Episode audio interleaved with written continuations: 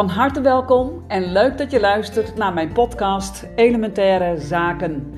De podcast waarin je essentiële tips krijgt over elementaire levenszaken vanuit de vijf elementen filosofie en de traditionele Chinese geneeskunde.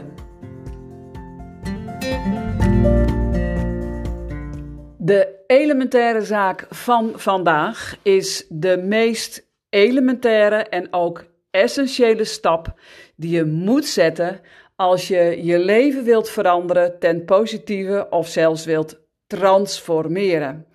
Nou, het is lente. Alles is de afgelopen week in een paar dagen tijd van grijs naar groen gekleurd.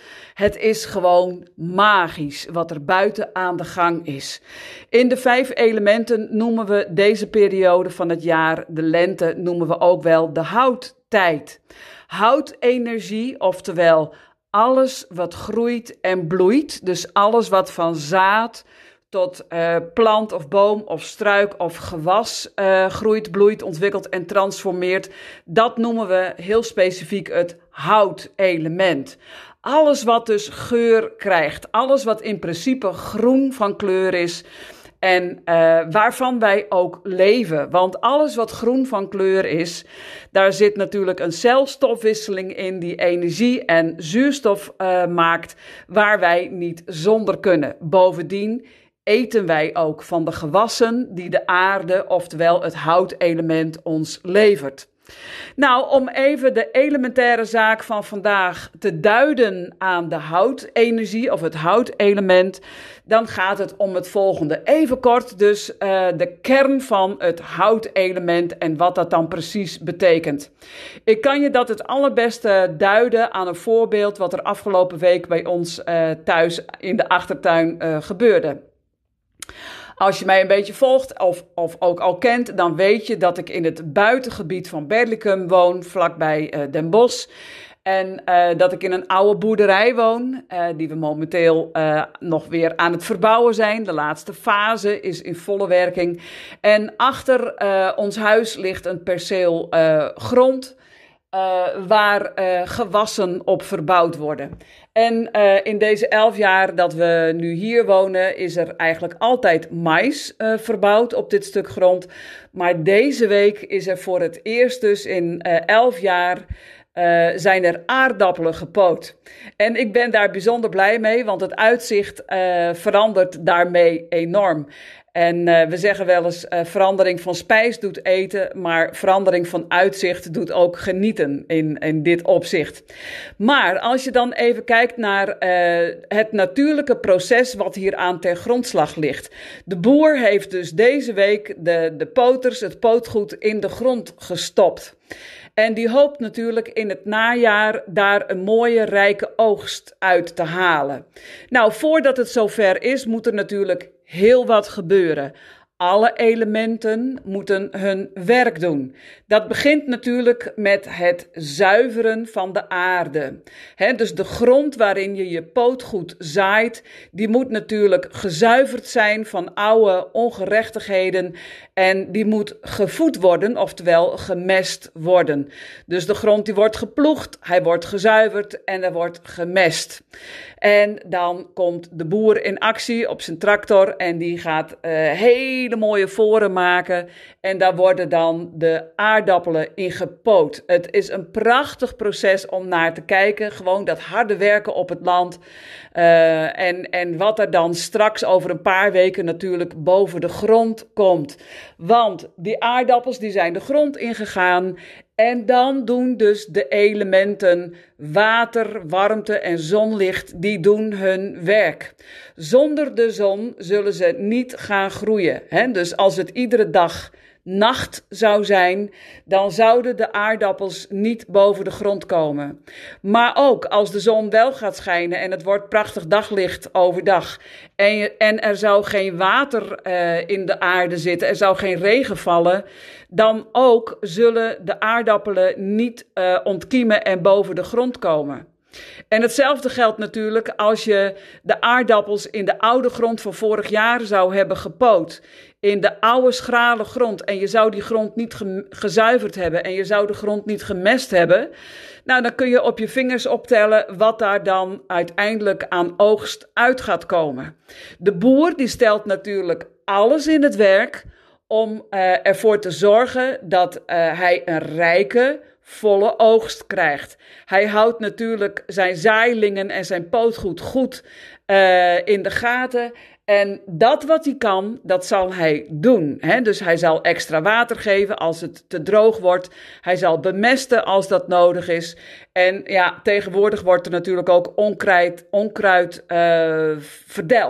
Hè? Dus dat, dat is natuurlijk allemaal gericht op een goede, rijke oogst. Nou, bij ons als mensen is dit niet anders. En dus ook wij als mens hebben eigenlijk maar één doel in het leven en dat is dat we datgene wat erin zit aan potentie, datgene wie we werkelijk zijn, dat we die, die persoon ook worden. Hè? Dus dat we de potentie, de authenticiteit volledig water en mest en zonlicht geven, om het maar zo hè, in de metaforen te benoemen, zodat die eigenheid kan ontwikkelen, zodat je jezelf volledig tot expressie kunt brengen, zodat ook jouw talenten, jouw mogelijkheden, jouw vaardigheden, die sterk zijn van nature, dat je die met extra aandacht en liefde en oefening dus groot en sterk mag laten worden en dat je die mag delen met de wereld. Want dat is waar een oogst voor bedoeld is. De boer houdt zijn oogst niet slechts voor zichzelf, maar de oogst wordt meestal verkocht, zodat de mens daarvan kan eten.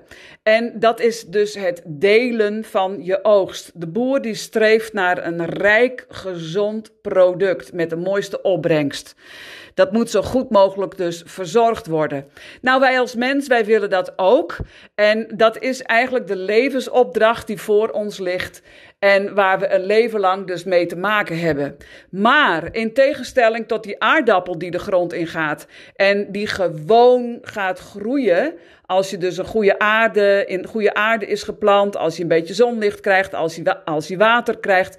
Dan gaat die gewoon groeien. Hij gaat ontwikkelen. Hij gaat een grote, sterke aardappelplant maken. En dan onder in de aarde worden de aardappels gevormd. En die worden dan in augustus, zo ongeveer schat ik, worden ze geoogst. Die aardappel die in de grond gegaan is, die poter, die denkt niet na van zal ik dit jaar wel of niet ontkiemen? Zal ik dit jaar wel of niet gaan groeien? Zal ik wel of niet aardappels gaan maken? Zal ik wel of niet een rijke oogst gaan maken? Nee, die aardappel die in de grond zit, die gaat gewoon groeien. En niet, niet eens gewoon, nee, als de groei- en ontkiemkracht daadwerkelijk in beweging komt, de creatiekracht, als die gevoed wordt, dan ontstaat er juist een en al gedrevenheid. dus de lentetijd of de houttijd, die kenmerkt zich door een aantal heel specifieke kenmerken in de natuur. dus wat ik net al noemde, er is gedrevenheid. Die aardappel, en niet alleen de aardappel, maar kijk om je heen nu naar buiten. Het is één en al gedrevenheid. Alles wordt in een paar dagen tijd groen en krijgt kleur. Alle blaadjes die barsten uit hun, uh, hoe noem je dat? Uit hun schulp. Die komen naar buiten. Er worden bloemknoppen gemaakt. Er worden nieuwe takken gemaakt. Er worden nieuwe grote wortels gemaakt in de grond, zodat de plant groot en sterk wordt. Dat hij veel water en voeding uit de grond kan opnemen en dat naar de uitersten van de plant kan um, uh, hoe zeg je dat, verspreiden. En alles in de natuur is daarop gericht. Gedrevenheid, drive, hè, dus groeikracht, ontwikkelkracht, groot en sterk worden. En dan natuurlijk Uh, alles wat in de buurt staat van die aardappel. En nou is misschien de aardappel niet het meest mooie voorbeeld. Maar stel je iets anders voor, wat meer ook in de hoogte groeit en ontwikkelt. Als er iets in de buurt staat, dan groeit datgene wat in de grond zit, dat groeit er gewoon overheen. Het groeit er onderdoor, het groeit er langs. Het maakt niet uit welke obstakels jij in de weg zet van het pootgoed of van de zaailingen. De zaailingen die groeien er overheen. Die groeien altijd naar het licht toe. Ze gaan altijd op zoek naar licht, naar warmte en naar water en naar voeding. Dat is het enige dat telt. Het enige wat telt is dat uh, datgene wat erin zit, dat dus de potentie uh, die dus uh, het geschenk van het leven is en ook de voortzetting van het leven is. Dat hij dus boven de grond komt en dat hij het, het licht mag zien. En dat hij uiteindelijk in de zomertijd tot een bloeifase komt. We noemen dat in het mensenleven de manifestatiefase. Dus dan is eigenlijk uh, de reis van zelfontwikkeling of zelfontplooiing is dan op een hoogtepunt gekomen. Als babytje worden we geboren met al onze talenten en vaardigheden en mogelijkheden en onze mooie dingen en onze eigenaardige dingen. Alles erop en eraan, alles zit er al in. Als jij nog maar baby bent. Sterker nog, als je alleen nog maar een eicel of een zaadcel bent. Dan zit alles er al in. En dan, wordt, dan vindt er conceptie plaats en dan word jij geboren. En dan is het de bedoeling dat jij alles in het werk gaat stellen om datgene wat je van moeder natuur hebt meegekregen, om dat tot ontwikkeling te brengen, om dat tot ontplooiing te brengen. Het is je morele opdracht voor het leven. Het is het geschenk van het leven dat je hebt mogen ontvangen. En wie ben jij om te zeggen van, ik ga dat niet doen. Ik, ik laat dat als het ware onder de grond zitten, zodat het nooit het daglicht ziet.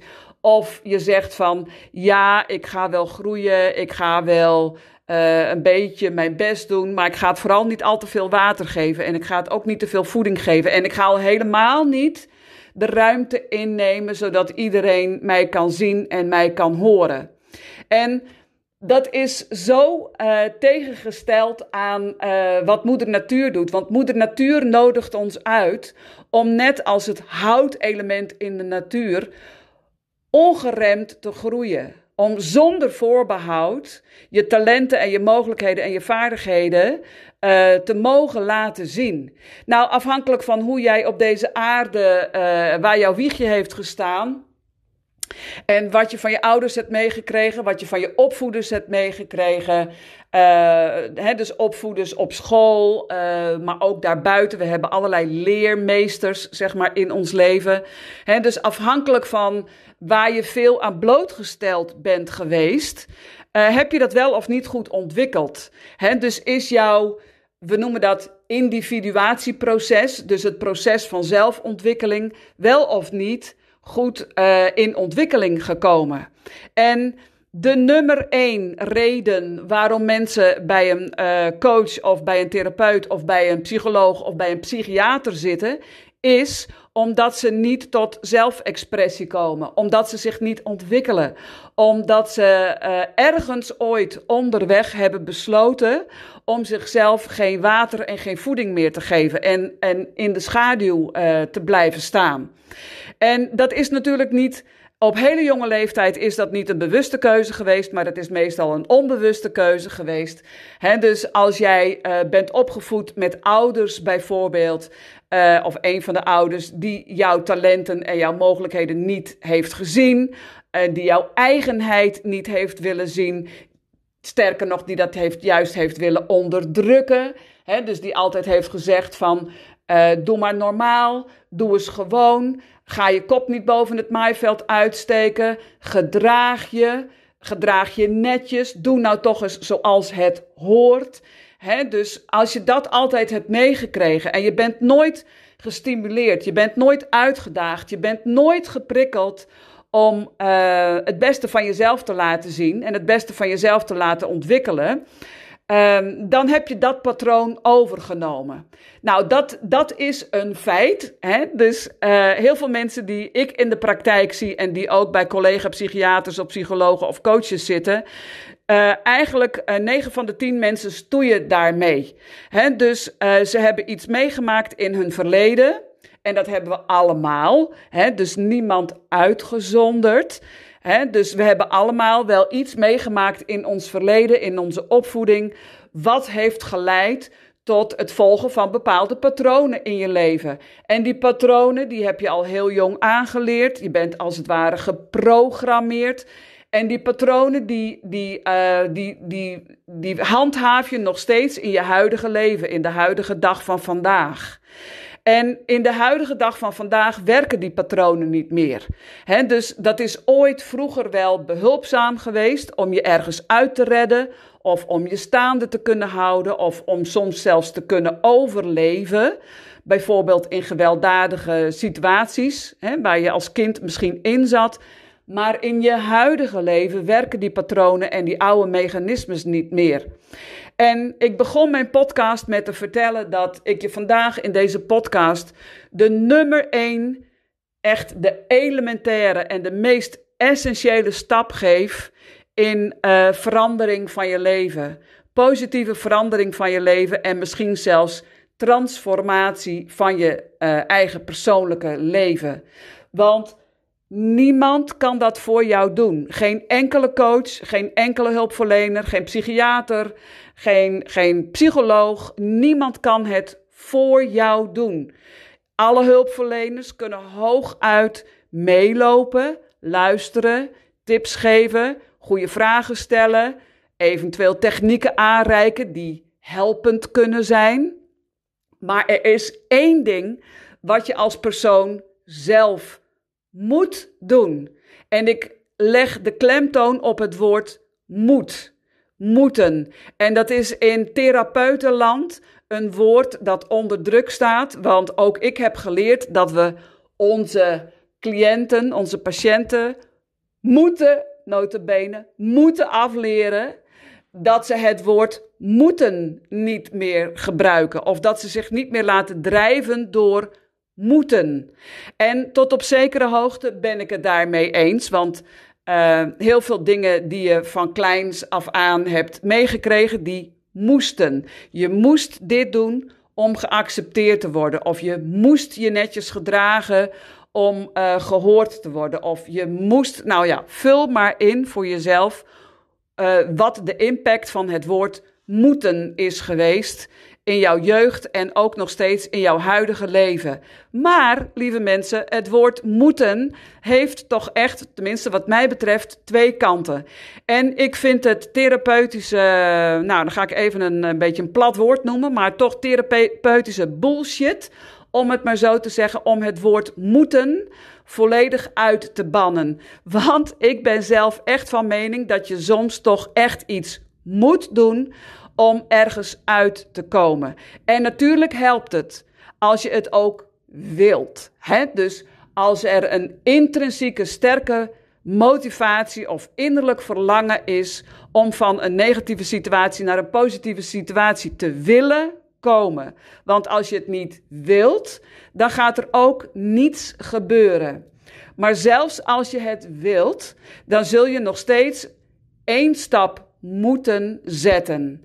En die ene stap die we allemaal moeten zetten, is dat we onszelf volledig erkennen, erkennen en accepteren in wie we werkelijk zijn. Dat is de allerbelangrijkste, de meest elementaire en essentiële stap op weg naar verandering. En ik zie heel veel mensen in mijn praktijk, in mijn trainingen, die van alles en nog wat in het werk stellen om te veranderen. dus ze, ze bevinden zich in een bepaalde situatie waar ze niet tevreden mee zijn, of waar ze ronduit ongelukkig mee zijn. En dan, dan zie je een patroon ontstaan van heel vaak, en dat ook hier weer, dat geldt niet voor iedereen, maar het geldt wel voor heel veel mensen. Je ziet een patroon ontstaan van consumeren in plaats van praktiseren. En dat laatste is juist heel erg belangrijk. Praktiseren wat je wilt leren. dus ik hoor ook heel veel mensen zeggen in mijn praktijk: Het lukt me niet. Ik weet wat er aan de hand is, ik weet wat mijn probleem is, maar het lukt me niet. Want, en dan komen de verantwoordingen, hè, dus dan gaan we terug naar het verleden. Want, eh, het lukt me niet, want uh, ik heb dat niet meegekregen van mijn ouders. Want mijn vader zei altijd dit of dat. Of mijn moeder deed altijd dit of dat. Of uh, dat vervelende, klierige kind op school, die pestkop vroeger op school, die deed altijd dit of dat. Met andere woorden, als je volledig en altijd je aandacht naar het verleden blijft sturen, dan hou je jezelf gevangen in slachtofferschap. Dan hou je jezelf gevangen in het verleden. En totdat het moment komt dat je jezelf kunt accepteren, dat je jezelf ook kunt erkennen in wie je bent. En met dat laatste bedoel ik erkennen dat je iets gemist hebt in je vroege leven. Erkennen dat je liefde, warmte, geborgenheid, veiligheid hebt gemist. Erkennen dat je daar verdriet over hebt. Erkennen dat je daar intens boos ook over bent. Erkennen dat je dat frustreert. Erkennen dat je daar machteloos over, dat je je daar machteloos over voelt. Alle emoties die er maar bij komen kijken, waar je je meestal juist hevig tegen verzet. Je wilt je niet machteloos voelen, je wilt je niet verdrietig voelen, je wilt je niet gefrustreerd voelen, je wilt niet erkennen dat je een moeilijke jeugd hebt gehad. Je wilt ook niet erkennen dat je nu zelf aan het roer van je eigen leven staat. En dat is daarom, of eh, hoe moet ik dit even anders formuleren? Daarom is dit ook echt de belangrijkste stap om te zetten. Dus zolang jij de verantwoordelijkheid voor je huidige leven in dit huidige moment blijft neerleggen bij je ouders of bij de schoolmeester of bij een pestkop of bij je oudere broer of zus vroeger thuis in je gezin, bij wie dan ook, bij de situatie, bij een bepaalde gebeurtenis die in het verleden ligt, zolang je daar de verantwoordelijkheid blijft neerleggen. En je kunt niet je eigen verantwoordelijkheid pakken voor nu, voor vandaag, voor je eigen leven. Zolang je dat niet erkent, zolang je niet kunt zeggen van oké, dit is wat het is. Ik kom uit dat bepaalde nest waar het een en ander gebeurd is. Ik kom uit dat nest waar ik behoorlijk veel heb gemist. Dat kun je blijven zeggen, als, je, als je dat niet erkent, dat dat gebeurd is, dan, dan gaat er niets, maar dan ook echt niets veranderen. Dus de stap 1 naar verandering, de stap 1 naar een volwaardige groei en ontwikkeling, is juist de acceptatie van je verleden. De acceptatie van wat je gemist hebt. De acceptatie van uh, het ontbreken van liefde, of het ontbreken van waardering, of het ontbreken van erkenning, of het ontbreken van bevestiging. Daar begint het mee. En als je dat naar jezelf kunt doen, de grootste stap uit de gevangenis van het verleden, is de stap in de richting naar de toekomst, waarbij je tegen jezelf zegt: ik, ik erken mezelf, ik accepteer mezelf met alles erop en eraan. En ik stop met het vechten tegen alles wat ik onderdruk, met alles wat er niet mag zijn, met alles wat ik niet wil voelen. Als je dat gaat toelaten, en dat is een besluit. Ja, dus hoe doe je dat? Die vraag die rijst dan op natuurlijk. Hoe doe je dat? door te besluiten dat je uit het verleden stapt, dat je jezelf erkent en accepteert met alles erop en eraan en dat je met ingang van vandaag besluit je aandacht en je energie te richten op iets nieuws, op de toekomst. Niet wat houdt mij nog gevangen, maar nee, waar wil ik graag naartoe? Hoe wil ik mij voelen? Wat wil ik ontwikkelen? Wat wil ik dan leren? Dat zijn de vragen die je jezelf kunt stellen. En zolang je jezelf die vragen niet gaat stellen, zolang je niet gaat besluiten om jezelf te bevrijden uit de gevangenis van je eigen gedachten, uit de gevangenis van je eigen verleden, zolang je dat besluit niet neemt, dan maak je pas op de plaats. Dan stop je je groei, dan stop je je ontwikkeling, dan stop je je eigen zelfontwikkeling en uiteindelijk de manifestatie van het zelf, zoals we dat dan in de vijf elementen filosofie uh, noemen. Dus wil jij een slachtoffer zijn en blijven van het verleden? Wil je blijven wijzen met een vinger naar iemand die daar verantwoordelijk voor was? Dan besluit je ook om dus niet zelf de verantwoordelijkheid voor je eigen leven te nemen.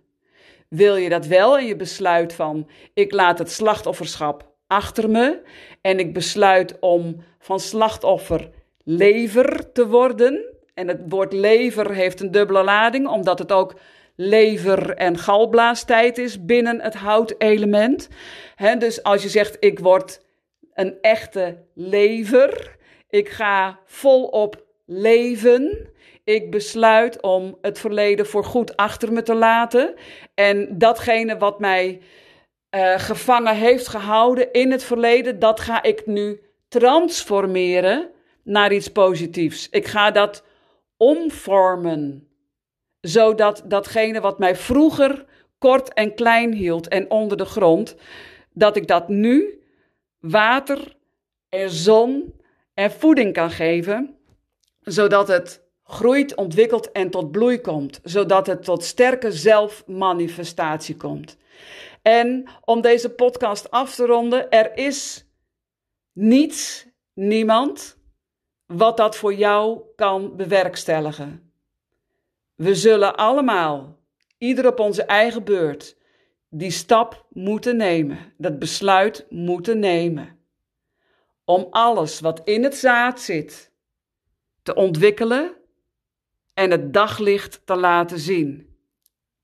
En hier wil ik mee afronden, omdat het zo mooi aansluit bij de energie van de lente.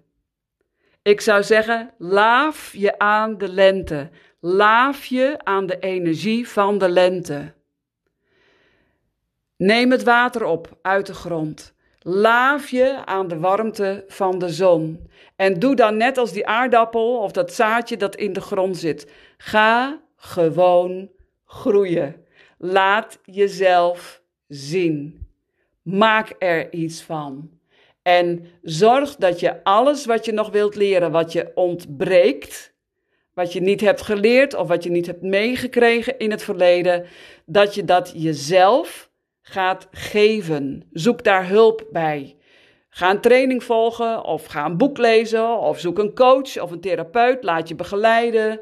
Maar besluit dat je niet meer gaat zeggen van ik heb het nooit geleerd, dus ik kan het niet. Nee, besluit te zeggen ik besluit nu dat ik het kan, mag en ga leren. Nou, laat even weer weten wat het bij je oproept.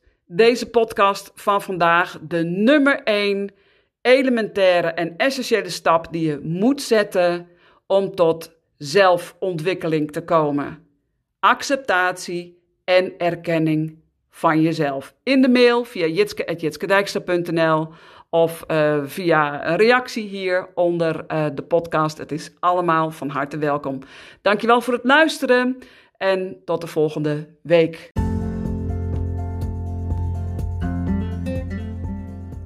Dankjewel voor het luisteren naar de podcast Elementaire Zaken. Als jij vragen hebt over de inhoud van deze podcast, dan kun je e-mailen met mij op jitske.jitskedijkstra.nl. Ik zal jouw vragen dan natuurlijk uh, in uh, behandeling nemen en jou daar een reactie op teruggeven.